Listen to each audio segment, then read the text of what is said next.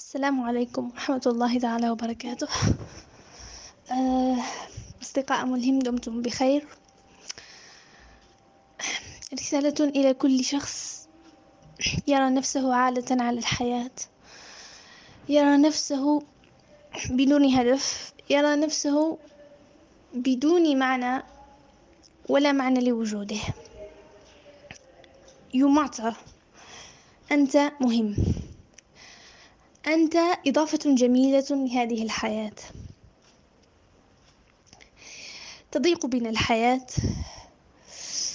نتعثر في دروب الأيام حتى نظن أن لا داعي لوجودنا. حتى نظن أننا ربما من حثالة المجتمع. أننا بدون فائدة. ولكن اعلم دوما أن الله أوجد فيك ما يجعلك مدهشا ما يجعلك إنسانا مميزا عن غيرك. تعلم كيف تحب نفسك. تعلم استكشاف نفسك قبل أن تستكشف العالم من حولك. اجلس مع نفسك كل يوم أو كل أسبوع بضعة بضع ساعات أو بضع دقائق ما الذي يميزني عن غيري ستبحث وستبحث. ربما لن تجد للوهلة الأولى ربما لن تجد للوهلة الثانية. أنا إنسان عادي. أنا إنسان بدون فائدة. ليس لدي شيء مميز. ليس لدي موهبة أو هواية أتقنها. مهما كان هناك. تأكد تأكد وتأكد للمرة المليون تأكد.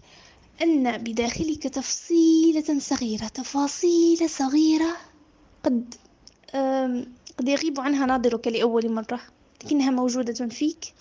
تلك التفاصيل هي ما تجعلك مميزا. أوجد هذه التفاصيل ابحث عنها وطورها. صدقني ستنجح. نقطة ثانية.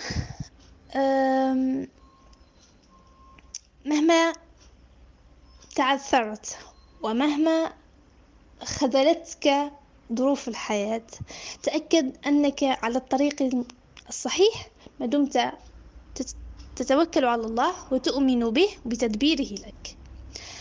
سترى أن غيرك قد وصلوا. سترى أن غيرك قد سبقوك أشواطا وأشواط أشواط وأنت لا تزال تتعثر هنا وتسقط هنا. ولكن ما دمت تنهض كل يوم ما دمت تنهض عندما تسقط فهذا يعني أنك ستصل. ستصل اليوم أو غدا ليس مهما. المهم أنك تستمر في النهوض بعد كل سقوط. ولا تستسلم للعثرات. وأدرك جيدا أن لكل, لكل منا توقيته الخاص.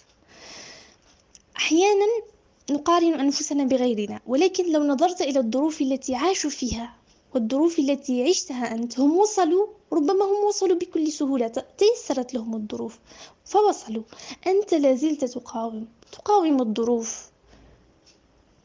لو نقارن هذا الشيء فنجد أنك أنت أفضل منهم أنت قد نجحت بشكل أفضل من من ذلك الشخص. ف